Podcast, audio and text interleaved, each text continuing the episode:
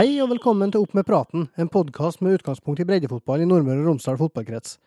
Mitt navn er Øystein Gjelle Bondhus, og nytt av året er at avisa Driva, der jeg jobber som redaksjonssjef, har sikra seg rettighetene til denne podkasten som del av en forsterka satsing på lokalfotballen. Driva er en del av Polaris Media Nordvestlandet, og det betyr at du fra nå av kan finne Opp med praten hos både Romsdals Budstikke og Åndalsnes Avis i tillegg. Mer lokalfotball til folket der, altså. Når det gjelder sjølve podkasten, så starta vi rett og slett der vi slapp i fjor. Med brei fotball, stort engasjement og meldinger rett fra levra. Og når det gjelder rett fra levra, så har vi jo med oss en Torgeir Ruud Ramsli i år òg, og ja, Torgeir, etter fire og en halv måned med oppkjøring nå, er du i, i toppform til ny podkast og fotballsesong? Ja, det er jo bare snakketøyet jeg trenger å trene, så det, det er jo som regel i orden. Så formen skal være bra, den. Klar for sesong, jeg. Ja, det er bra. Vi er så heldige at i dag så har vi fått med oss Aksel Berge Skjølsvik. Du har vært innom både Rosenborg og Molde og vært kaptein for Sandnes Ulf. Og seks sesonger, hvis jeg tar til rett, i Eliteserien og flere aldersbestemte landskamper for Norge. Du, velkommen skal du være til Opp med praten. Takk for det.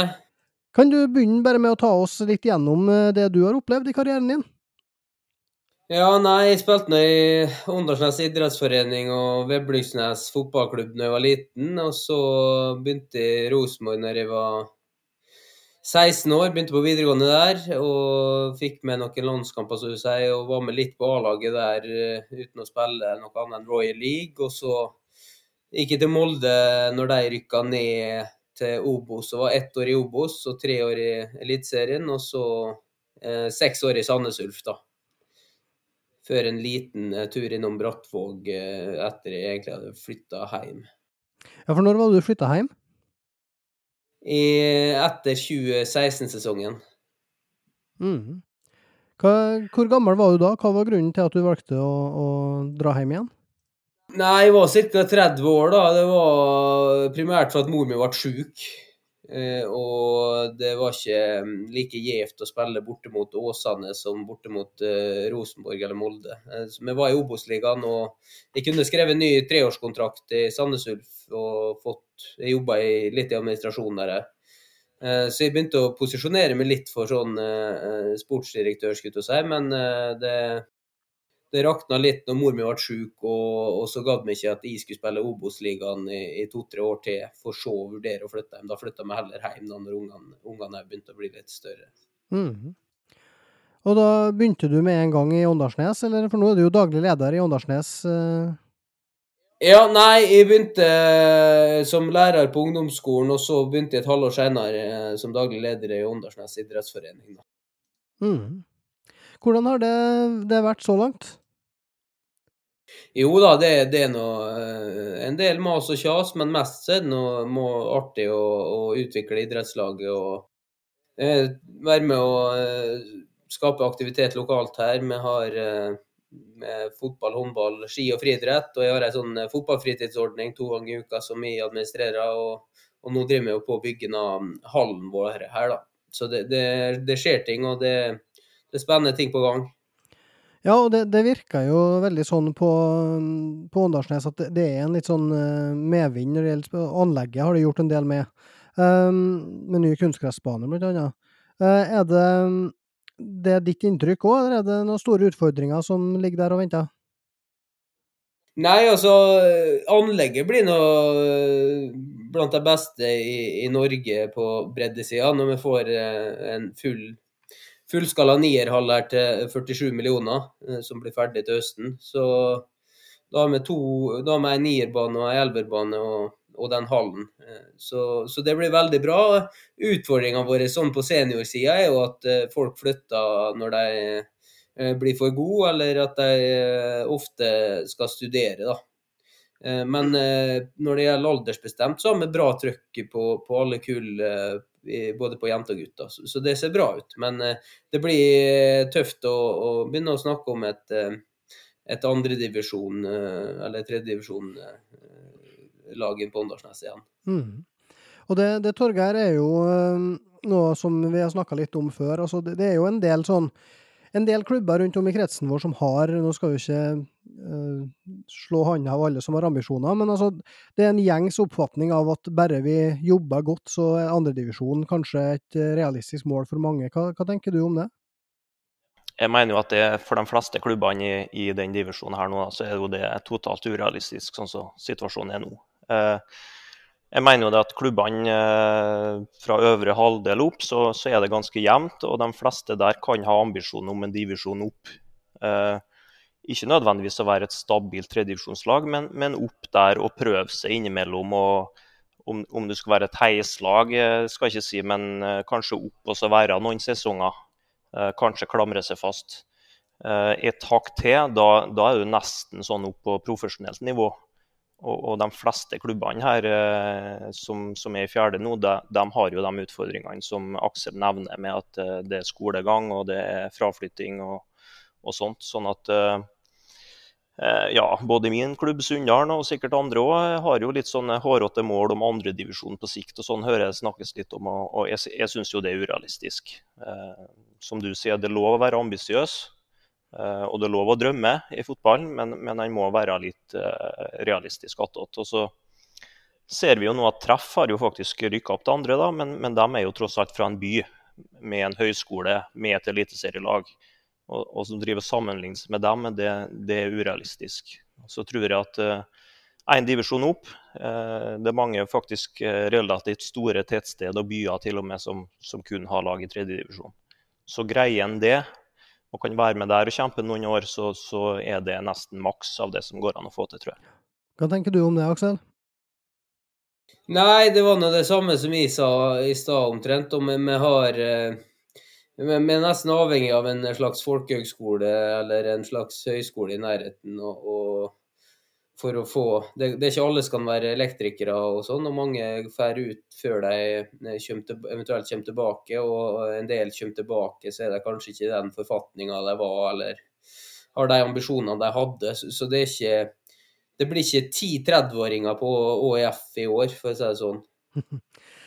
Nei, øh, og der er det jo litt sånn Min oppfatning er jo at øh, for tar han fotballen for 30 år siden, da, eh, der både Surndalen og Sunndalen og flere Åndalsnes og flere var høyt oppe i divisjonene, så, så er det klart at det, ting har jo skjedd på de, de åra der. Um, det å kunne gå rett fra fjerdedivisjon og opp, sånn som Stabæk f.eks. òg gjorde, da, uh, og gå helt opp til førstedivisjon eller uh, Eliteserien, det, det, du ser det jo ikke lenger. Um, det er jo helt men, men, en del av folka som, som var med på den tida, er jo fortsatt med i klubbene. Så, så, jeg skjønner jo at det, det er en, eh, en, drøm der, men, eh, men, jeg tror nok det er vanskeligere enn noen gang å komme seg, komme seg oppover uten eh, Du nevnte jo at du har vært innom Brattvåg, og de hadde jo på et tidspunkt 13 millioner i budsjett på, på laget sitt i tredje. Ja, Torgeir? Ja, jeg tror nå faktisk at det er en litt sånn hemsko for mange klubber at det er mye gamle helter, for å, ta det med, for å kalle det det. Det kan godt hende jeg sjøl blir oppfatta som en sånn en som driver og, og snakker om hvordan det var før og sånn, men, men uh, må på en måte legge alt, alle disse stolte tradisjonene fra 80-tallet og sånn, de må legge litt bak seg. Og så må man sette litt strek og fingeren i jorda hvor den er hen nå, og hvordan faktisk det norske si, samfunnet og fotballen da ser ut. Eh, klart Har du nok penger, og det går inn en privat investor med 20 millioner, eller du har en bank, sånn som i Kristiansund, som sletter gjeld på 5 millioner hvert eneste år helt til klubben er i Eliteserien, så går det an å få til noe. Men eh, det er jo ytterst eh, få klubber som er så heldige, da. Så er jo ikke den eneste grunnen til at KBK rykka opp. da. De har gjort en fantastisk jobb over mange år, men i starten så var de avhengig av økonomisk hjelp for å, for å få det til.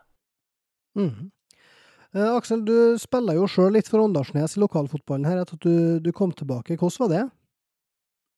Nei, det var ikke Det var ikke så artig. det var eh, For det første så trente jeg jo altfor lite. Jeg trente vel en gang i uka, kanskje. Eh, og så ble det mye skader, og så orka jeg ikke å ta imot piss fra 17-åringer. Eh, så det var litt sånn brå overgang fra, fra toppfotballen, egentlig. Så jeg det er ikke noe jeg savner, for å si det sånn. Nei, så det er ikke snakk om noe comeback i år? Nei, Eh, langt derifra. Jeg er deltidsbrannmann òg, så det får holde. Å slukke noen branner der. Men eh, nei, det, det, det, var litt sånn eh, det, det, det, er synd å si det, men jeg følte jeg spilte mot et juniorlag på mange kamper. Og, og eh, eh klysete 17-åringer som er frekke i kjeften, da, det ble for mye, faktisk. men, men, eh, men du var jo sånn sjøl? Ja, ja, kanskje derfor. Nei, det Og så ville jo skallen mer enn beina da, for min del. Eh, det var jo ikke, det var ikke skremmende nivå, men, eh, men jeg, jeg, ble, jeg, sleit med legger og skade og, og folk som skulle erte meg. Og det, det klarte jeg. Mm. Ja, for det, det, er vel kanskje litt sånn som en får når en har vært litt høyere oppe i divisjonene og, og, og blir kommer ned, og, og, folk skal på en måte markere seg litt, kanskje? Ja da, og det, det fikk jeg nå i, i Brattvåg òg, egentlig. Eh, men der var det noe eh, høyt nivå. Det var tredjedivisjon, og tredjedivisjon er høyt nivå, det. Eh, Andredivisjon Nei, fjerdedivisjon er, er et godt eh, stykke unna eh, tredjedivisjon, så, så du må det var så vidt man klarte å rykke opp med egentlig et veldig bra lag i tredje divisjon, men uh, med Brattvåg. Men, uh, men, jeg liker godt uh, å se på lokalfotballen, men, men det frister ikke med noe sånn comeback, dessverre. Nei, skjønner. Men hvordan blir Åndalsnes-laget i år, da? Nei, det, det, er noe, det, er noe, ungt, sånn som det har vært de siste åra. Vi føler jo vi begynner litt på nytt, sånn som uh, Torgeir snakka om her, at de fleste føler kanskje. Men uh, vi har noen spennende unge spillere. Gintaras, en veldig bra uh, trener, Gintaras Budrika, som er, er med på den fotballfritidsordninga mi og er veldig dedikert og drar til Barcelona og, og, tar kurs og er liksom opptatt av å oppdatere seg sjøl, og det er en viktig egenskap. og vi har en del talentfulle uh, sånne 16-17-åringer som, uh, som, kan bli gode, men, men har, de er kanskje litt for unge, de ivrigste.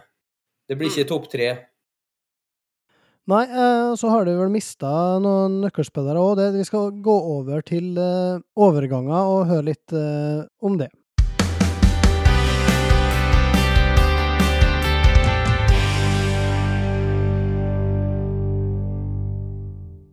Før en ny sesong så er det jo da sånn at det er en del spillere som skifter klubb. Um, det er heller ikke noe unntak i år. Det har jo vært et par år med pandemi der en kom tilbake med en halv sesong, og nå skal folk i gang med, eller folk i gang med oppkjøring eh, med full sesong. Og da Noen lag har jo vært veldig aktive på overgangsmarkedet, mens andre har stort sett det samme som i fjor.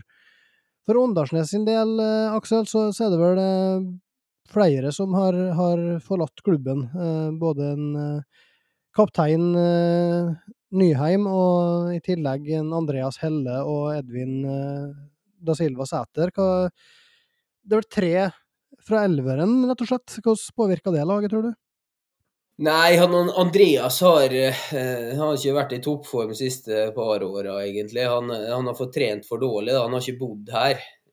Så, så da, det er litt sånn kritisk, egentlig.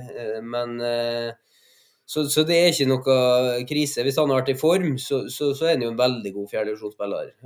Emil Nyheim han bor i Trondheim og har ikke fått trent så godt der, men jeg tror han har kommet litt inn i Strindheim-systemet og meldt overgang der, og han er jo en god spiller.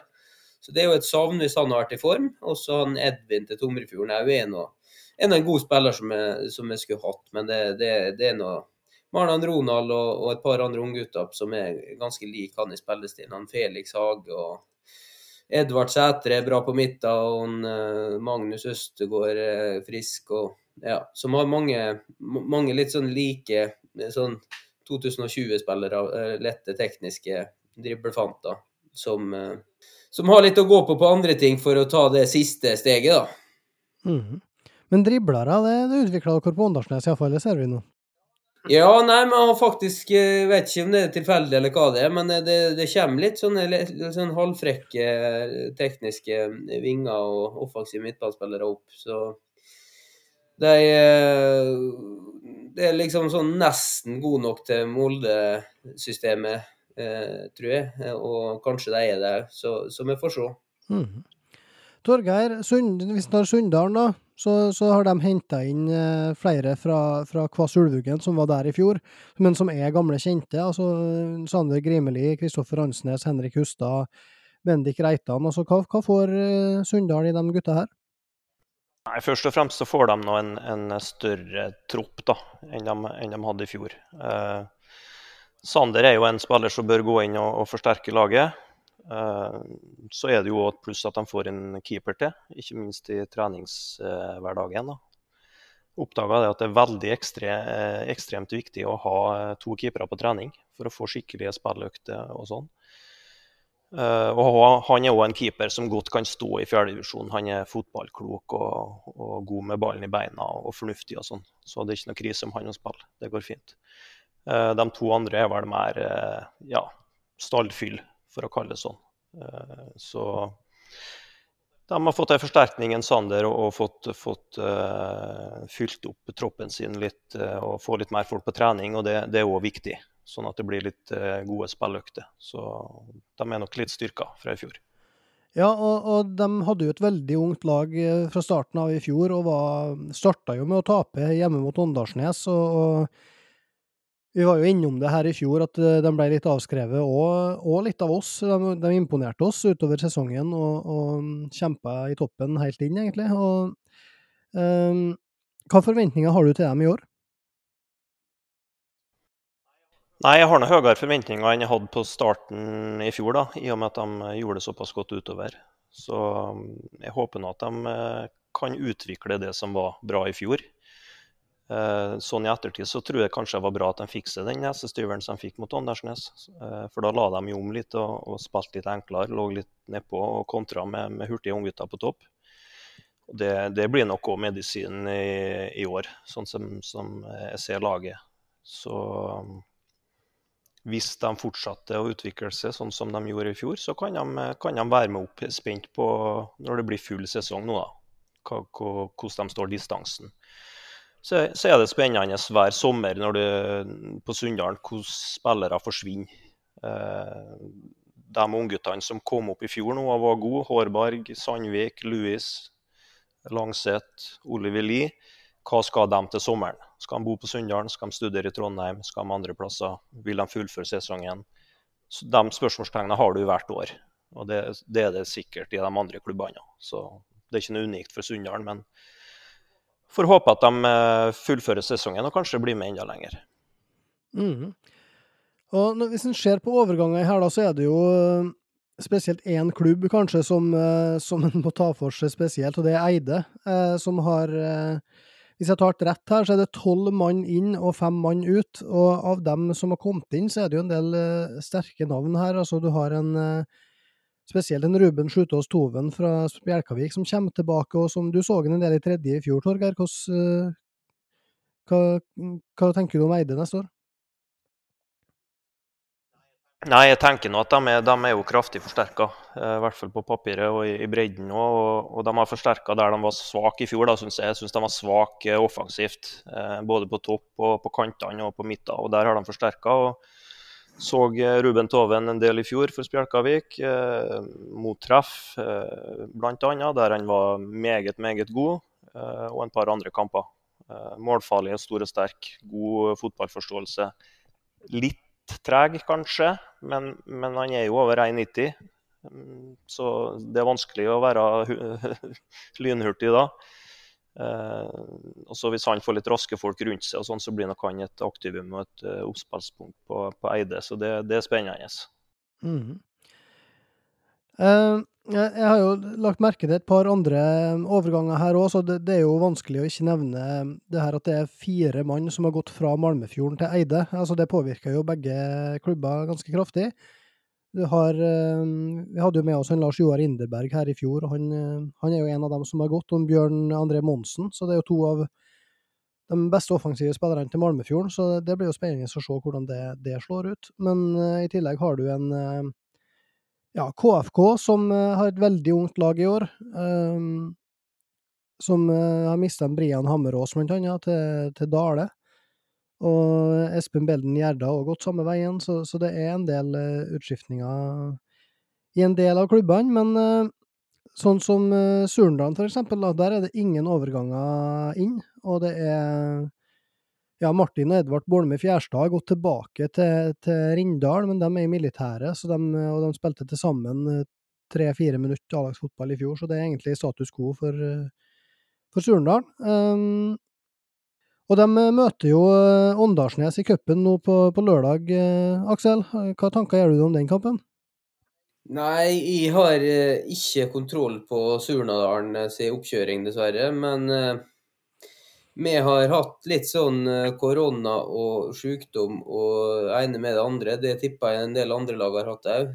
Så vi har ikke fått kjørt så mye opp, god oppkjøring som hadde hatt villa da, med, med, stor bane og kamper. så, så det, det, blir nesten som en slags treningskamp, sånn som Eh, det ser ut nå. Men eh, altså, det er vinner du to kamper, så møter plutselig trippeligamotstand. Det er ikke sånn det bruker å være. Så, så da, alt er jo mulig her. Og det noe, hadde nå vært ekstremt kjekt, spesielt i år, å fått eh, gått den veien. Det, det, det, er litt tilfeldig, og har du litt flyt, så får du folkefest på, på bygda, skulle jeg si. Så det, det, hadde jo vært artig. Mm. Hva tenker du om den kampen, Torgeir? Nei, det er jo litt eh, når Aksel sier det han sier nå, at de har hatt en del sykdom og spilt lite på stor bane. Og, og Surndalen har uh, spilt noen treningskamper og gjort det rimelig bra der. Så, så er det jo litt, uh, det er jo et lite favorittstempel til, til Surndalen, da. Åndalsnes har mista litt, rann, uh, må fylle på med enda mer unggutter, mens Surnadal har det samme laget. Så en liten B der tror jeg vi må sette, hvis vi skal komme med noen tips.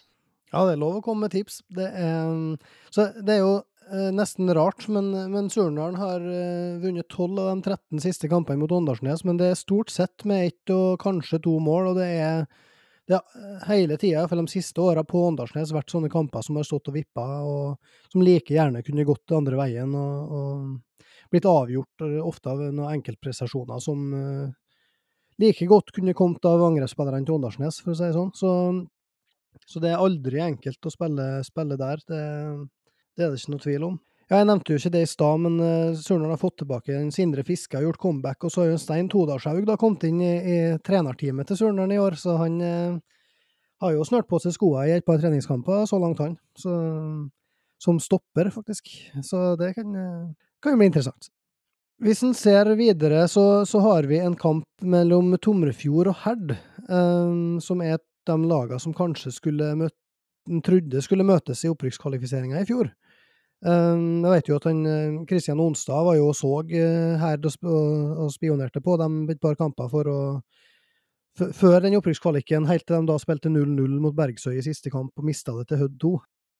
Så da, da ble det annen motstand. Men uh, vi har vært innom at de har henta Edvin Sæter fra Åndalsnes. Fått inn han offensivt, i tillegg til at de har henta Eirik Tomren og Cedric Andreassen fra Vestnes Varfjell. De har stort sett samme laget som i fjor. 2-2 mot Eide i sin første og eneste treningskamp, der ifølge onsdag da slapp de ikke til en eneste sjanse i, i åpent spill. Det, det er hans vurdering. Har du noen tanker om den kampen, Aksel? Tomrefjord Herd, som du kjenner klubbene? Nei, altså Jeg vet jo det at Tomrefjorden driver og jobber i kulissene. De har nå drevet på og gnegd litt rundt både på oss og på Vestnes sine spillere. Så de er jo offensive, og jeg vet ikke hva de har tenkt det. Eh, om de tror at de skal få til eh, eh andredivisjon eller tredjedivisjon uten eh, spillforhold på vinteren, så, så blir jeg overraska. Men eh, det, det, er nå en, en liten utskudd av ei bygd utafor Vestnes, så det er jo en ekstremt liten plass. Så, så jeg ser ikke helt eh, planene. Men eh, jeg hadde heller kommet til å, å gitt eh, mer gass på den aldersbestemte biten enn å blest på eh, og, og prøvd seg på en tredjedivisjon.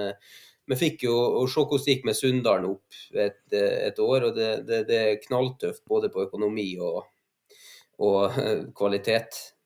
Så Nei, jeg ser ikke helt satsinga til Tomrefjord, men for å svare på spørsmålet ditt, så har jeg egentlig ikke greie på hvem som er best av de to lagene, altså. Hva tenker du, Torgeir? Nei, det tror jeg jo ingen har, da, for å si det sånn. Uh, I utgangspunktet så må jo det være en helt åpen kamp, tenker jeg. Uh, det er jo nummer én og nummer to fra i fjor, de to avdelingene. Uh, marginalt at ikke Herd spilte kvalik. Så ja. Får nå sett litt styrkeforholdet mellom eh, Nordmøre og Romsdal og Sunnmøre. Jeg regner med at det blir jevnt. Eh. Jeg ser for meg at Herd kanskje har en fordel av uh, at de har trent mer på, på, stor bane og kanskje spilt mer kamper og, og sånn hvis du sier at Dommerfjorden har spilt én kamp. Og, og det var, Jeg tror ikke jeg har trent mye på Vestnes stadion, og de har vel ei sjuerbane sjøl, så, så, da er det ikke Har ikke hatt optimal oppkjøring der sikkert heller. Nei, Det blir i hvert fall ikke noe hjemmebanefordel for Tomrefjord, for å si det sånn. Det, det, er nok en fordel for Herd at kampen går på kunstgress og ikke på gress. Ja, det, det er nok ikke noe tvil om. Jeg tenkte på én ting, Aksel. Ehm, jeg har fått inn et spørsmål om eh, det som går på å skape engasjement for å få folk på kamp og sånne ting. Nå er det jo cupkvalik eh, nå i helga som de skal arrangere, og så har du jo nå gjennom eh, mange år som daglig leder erfaring med, med denne type arrangement. Hva, hva mener du er, viktig for en, en, lokal breddeklubb når det gjelder å skape det engasjementet som skal til for å trekke folk på kamp? Nei, det vi har drevet litt med, at uh, vi har uh, hver sitt lag har ansvar for kiosken. og Det er jo litt for at vi vil at de skal komme på kampen òg. Uh, og så har vi hatt litt sånne balljente-maskotter, skulle jeg si, og det er jo for at de skal komme seg på kamp. Og så når det da er på kampen, kanskje noen som ikke ville vært der, så syns jeg det er kjekt å være der på fredagen, fredagskvelden. Så, så det, vi prøver liksom litt at å engasjere eh, andre lag da, eh, i arrangementet, og da får du òg flere på kamp. Og, eh, som kommer tilbake, og så har vi den nierbanen bak der en del spiller fotball når det er kamp. og Spiker og musikk og, og, og, god stemning. Så, så det, det, har vært en del folk på kamp her. Mm. Vet du hvordan det er i Sunndalen, Torgeir? Hva blir gjort der? Ja, jeg tror det er lurt det som en Aksel sier nå, at du på en måte prøver å mobilisere resten av klubben. Eh, for det er jo sånn at de som kommer på fjerdedivisjonskamper, de kommer jo ikke for å se eh, den beste fotballen i verden. Men, men, de kommer jo for å treffe folk og kjente og ta en kaffe og, og alle sånne ting. Så klart, hvis du greier å mobilisere de yngre lagene i klubben, eller andre lag i klubben, så, så kommer jo gjerne foreldrene til de ungene òg. Eh, da har du kanskje 50-60-70 stykker med, ekstra med en gang. Så ja, gjør litt uh, ut av arrangementet. Vær litt synlig. Uh, ha litt sånne stands i butikksentra rundt omkring. Og kanskje en, uh, en, kamp i pausen, eller Må i hvert fall prøve et eller annet for å mobilisere flere. For jeg, sånn som på Sunndal så syns jeg det er litt sånn klubben er litt sånn spredt. Vi har veldig mange baner. Noen trener på Håsen, da, som er ti minutter unna. Og så har du en del baner på Sande som liksom prøver å samle klubben på Sande stadion da, rundt arrangementet. Det, det, det har jeg jo tro på. Og så eh, er det lov å drømme og være ambisiøs der òg, men man skal kanskje være fornøyd hvis en har 200 tilskuere i fjerdedivisjon. Prøve å gjøre det artig for dem som er der, og, og, og være fornøyd med det. Eh, jeg tror det er viktig, at en er realistisk der òg. Ja, og sånn som uh, for Surnadal sin del, der jeg var daglig leder i, i, noen år, så gjør vi jo mye av det samme som uh, du er inne på, Aksel. Med å involvere klubb og, og lag og i kiosk og, og, sånne ting, og med balljenter og ballgutter. Og, og, men det vi så det, det, blir jo litt sånn drømmende, det, Torgeir. Men, men, da det var innspilling av musikkvideo på Syltørene i fjor, med, med hjemmekampen mot Smøla, med ny klubblåt, så var det jo voldsomt med folk nedpå der. For da var det jo alle spesielt invitert, og det var alle hadde, Da var det flagg, og det var ansiktsmaling, og det var liksom hoiing, og det var opplæring av folk som var med og dro, piska i gang jubel og heiarop og greier. Og, og, det er jo helt fantastisk artig.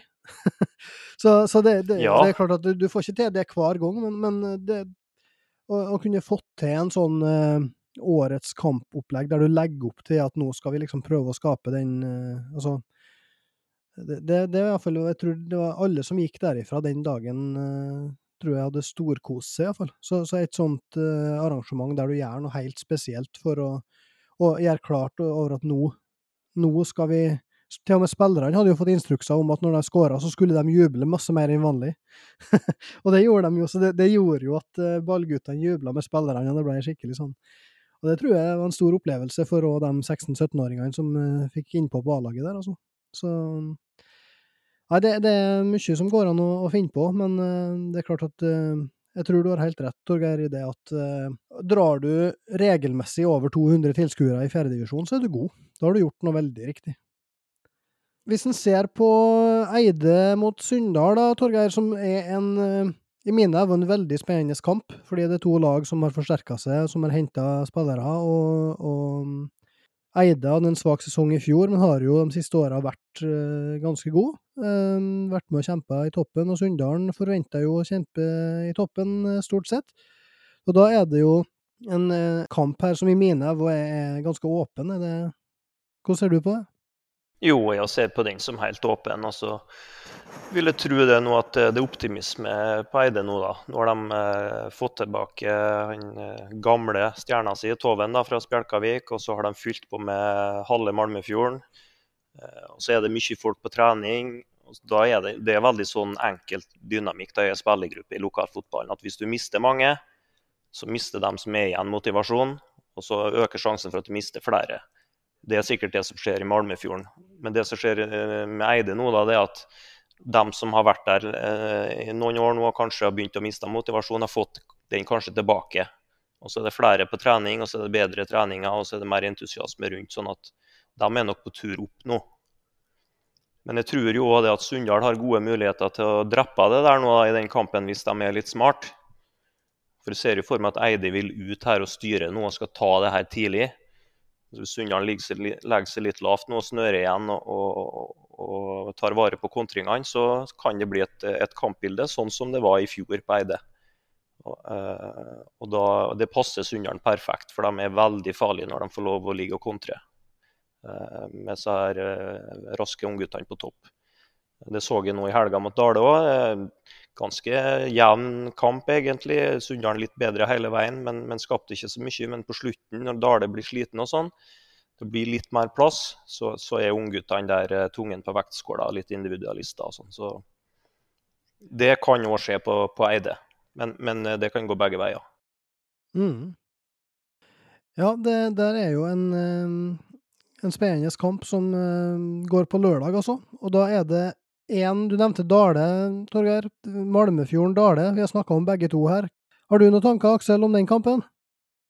Nei, jeg syns jeg husker jeg spilte mot Malmefjorden og var veldig fysisk eh, den gangen og er kjent for det. Eh, men eh, jeg føler liksom litt at bylagene har en liten fordel når det, begynner, når det er tidlig sesongstart, og at de kanskje har litt flere folk på trening jevnt over. Men når du driver i fjerdedivisjon, så dere snakka om det i stad, så er det viktig å være 16 på de fleste treninger med to keepere, og ikke sju stykker uten keepere, altså. Da, da, er det kjørt. og det det var det vi snakka om før, for 30 år siden her, så, så, var det jo liksom at folk som uh, bodde i Trondheim med trensokka tullinger og kjørte hjem omtrent for å trene, og så var jeg klar for kamp. Uh, og, og generasjonen Z, skulle si, de gjør ikke det samme. De, de ligger og loffer på sofa i Oslo og Trondheim, og hvis de skal hjem, så er de ikke i form. Så, så jeg tror kanskje setter et et lite lodd på, på bylagene i, i, første runde her. Mm. Hva tenker du, Torgeir? Nei, jeg tror nå det er to lag som er litt på nedadgående her, da. Eh, Malmefjorden har jo mista veldig mange nå, og veldig mye offensiv kraft, da. Eh, så får vi se. Eh, vi har jo på en måte, eller kanskje jeg i hvert fall, har jo dømt dem litt eh, ned før. De er jo litt gode til å slå tilbake i Malmefjorden når de, når de er litt pressa eller såra.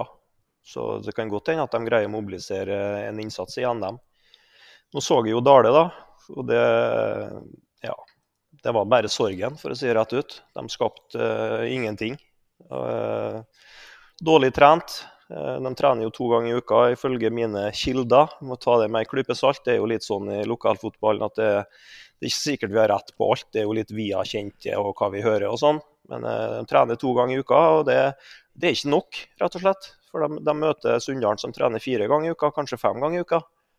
Og da, da, hjelper det ikke om du har like gode spillere eller bedre spillere. Jeg sier ikke at Dale har bedre spillere enn Sunndalen, for det tror jeg ikke de har. Men når treningsgrunnlaget er så forskjellig, så, så viser det seg etter 60 minutter, eh, rett og slett. Sånn at eh, ja, med utgangspunkt i en jevn kamp for meg, dette der. Uh, kan gå begge veier. Så tror uansett ikke at noen av de lagene går videre i neste runde igjen, da.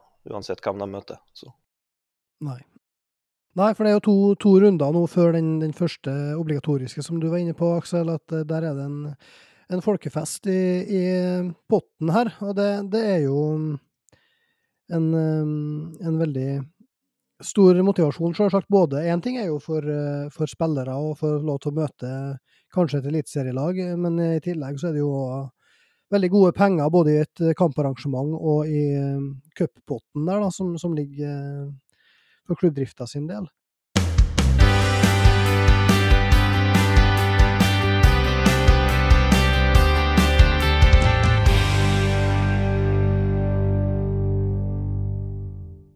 Um, bare litt interessert i å høre, Aksel, en ting som har vært nevnt, og som vi òg har fått henvendelse om. Um, når det gjelder dommerrekruttering, uh, så er jo det et litt sånn gjentagende problem. Har vært i, i, kretsen her og i andre kretser. Så det er det har vært vanskelig å, å rekruttere dommere. Og en ting er hvis en rekrutterer dem, så er det vanskelig å få dem til å fortsette. Um, hvordan har det vært hos dere i Åndalsnes?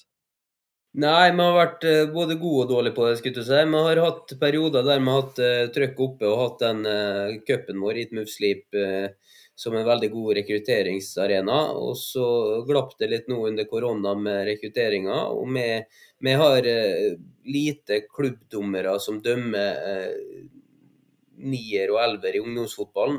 det er ikke, de vi, har, er ikke så gira på å dra til, til Sunndalen og dømme, og, det kan jeg forstå, egentlig. Så, så, jeg kunne tenkt meg egentlig en litt mer sånn eh, at opp til 14 år kanskje, så kan du dømme egen klubb omtrent. For at det blir Helvete.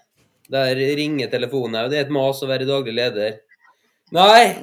Eh, og men nå er vi oppe og går igjen. Vi skal ha et uh, kurs nå fram mot våre uh, Eat Move Sleep uh, uh, 22. mai. Så, så, da får alle um, ungdommene i ÅF tilbud om det. Og noen lag blir påkrevd å være dommere den dagen. Det som er gulrota her, det er jo at det er jækla mye penger etter her for en ungdom. Hvis en gidder å og tråkker nedpå her et par dager, så er det plutselig er det konfirmasjonspengene i løpet av et par år. Så, så det, det, er voldsomme penger, men uh, samtidig så er de som ivrigst på å dømme, er ofte ivrigst på å, å spille. Men, men, vi har mye å gå på, og skulle gjerne hatt uh, mer erfarne dommere som gikk foran og, og dømte og, og, og, visste hvordan det skulle gjøres. Og vi har uh, jeg jo kanskje snakka om at noen kunne meldt sine Isfjord idrettslag som numre, for da kan du dømme ÅIF eh, sine gutter 13. Og, og, I, og, det gjelder jo de fleste, og Torgeir er jo at vi, vi, liker å vinne. Men også, når jeg er trener for gutter 14-lag, eh, så, så, er ikke, da er det ikke krise for meg hvis Surnadalen eh, har en heimedommer som er fra Surnadalen og dømmer den kampen. Hva tenker du Torgeir om, om den Jaksa sier her? Nei, høres jo fornuftig ut. da. Og jeg tror nå Hvis en skal, skal, få fram dommerne, så må de jo få dømme egen klubb, i hvert fall sånn på aldersbestemt nivå. Det tror jeg er uproblematisk. Og så får nå vi, da, kan jeg nå si, som, som, er eller har vært trenere, og, og dere som er foreldre og andre, eh, oppføre seg, har jeg tenkt å si. Eh, jeg har vel ikke bidratt til noe sånn stor dommerrekruttering sjøl opp igjennom, men, men, eh, men eh, det er jo lett å se hva, hva som bidrar til, til, at folk vil være dommer. Da, og, hva som, og så er det jo et, enda lettere å se hva som bidrar til at de ikke vil være dommere, for å si det sånn. Så en må jo oppføre seg og ta dem, ta dem imot, for å si det sånn. Det, det ja, og jeg har jo vært litt, uh, litt hissig av og til når jeg har spilt sjøl, men altså når jeg trener aldersbestemte lag, så jeg er veldig tydelig på at eh, da, da er det ikke eh, aktuelt å begynne å kommentere dømminga eh, foran unger eller uh, uansett. Da, det er vår jobb som trenere å, å motivere deg og veilede og, og, gjerne takke for kampen og si godt dømt, samme hva du mener. Så, så, så det, der har vi mye å gå på, mange. Uh, og, og, det er kanskje litt lett når du har spilt sjøl, at du slipper å og tenke hvor viktig er en gutter 13-kamp der det ikke er tabeller, eller gutter 12 er det ikke tabeller. Og, og da må du klare å, å, telle til tre når du er trener. Altså. Og, og, og, ta det som, og heller prøve å lære dommeren, dommeren opp. Og, Der har vi fått noen mailer fra kretsen i fjor, alle idrettslagene, om om at det har vært for mye, mye tull og i sosiale medier og sånn. Og, da, da, blir det ikke, da må vi ha foreldre til slutt, da, hvis vi ikke klarer å oppføre oss på sida. Ja, vi kommer tilbake med, med en uh, dommerepisode litt senere her i sesongen, eller inn mot oppkjøringa. Og det her er jo en problematikk som det er viktig å, å snakke om og løfte, og få litt flere innspill, bl.a. fra dommere sjøl. eh, hvordan de har opplevd det her, og kretsen og, og litt sånn. Og det, det ønsker jo vi å, å være med og, og sette søkelyset på, sjølsagt. Vi kommer òg tilbake, for nå ligger det jo i det her da at vi begynner å gå mot avrunding, men uh, det, det er òg Femte- og sjettedivisjon. Vi skal se på seriestart fjerde, og, og damer eh, tredje. Og det er mm, Endelig så begynner det å nærme seg grønt gras, er vel kanskje å ta i, men det er iallfall eh, breddefotball snart igjen. Grønt kunstgras. Grønt kunstgras er et godt poeng, Aksel. Tusen takk til alle som har hørt på denne første episoden av Opp med praten. Det er altså så godt å være i gang igjen, fordi at nå er det snart uh, sesong, og det, det, er jo det som er det artigste for alle oss som er glad i lokalfotballen. Og um, takk til alle dere som følger podkasten og engasjerer seg både på Facebook og Twitter, og stor takk til deg, Aksel. Fortsett uh, den gode jobben du gjør og har gjort i ÅIF, og lykke til med sesongen. Takk for det. Og takk til det, Torgeir, men færre vi runder av, så må jo publikum få svar på det alle egentlig går rundt og lurer på nå, for nå har jo Sunndal 2 meldt på lag i sjette divisjon. Og da spørs det jo, lukta det comeback på en Torgeir Rune Ramsli i 2022? Nei, da må jeg si det samme som Aksel eh, sa i stad, at eh, det laget der skal vel bestå av 16-17-18-åringer som ikke vil satse. Og ja, spille i lag med dem, det Jeg tror ikke det har vært noen god miks, så eh, den tror jeg, tror jeg vi setter en, en, stor svart strek over. Får sitte her og synse isteden. Passer meg bedre det nå. Da, hvis du hører på da, Torgeir Kvenseth i Søya, så er det fortsatt håp. Ja, større, større sjanser der, tror jeg. ja, da Kanskje vi har ei sak der vi får se Torgeir Ruud Ramsli mot Sunndal. Det hadde vært artig. Det er lenge siden sist. Yes, I helga så er det altså endelig klart for ternende kamper igjen med første kvalikrunde i NM. Og vi eh, streama Åndalsnes-Surnadal på Åndalsnes Avis Romsdals Budstikke og driver på nett. Så der kan du følge med for oppdatering fram mot kampene, og så er vi opp med praten, tilbake for å oppsummere cuprunden og se fram mot seriestart og mye mer. Takk for nå.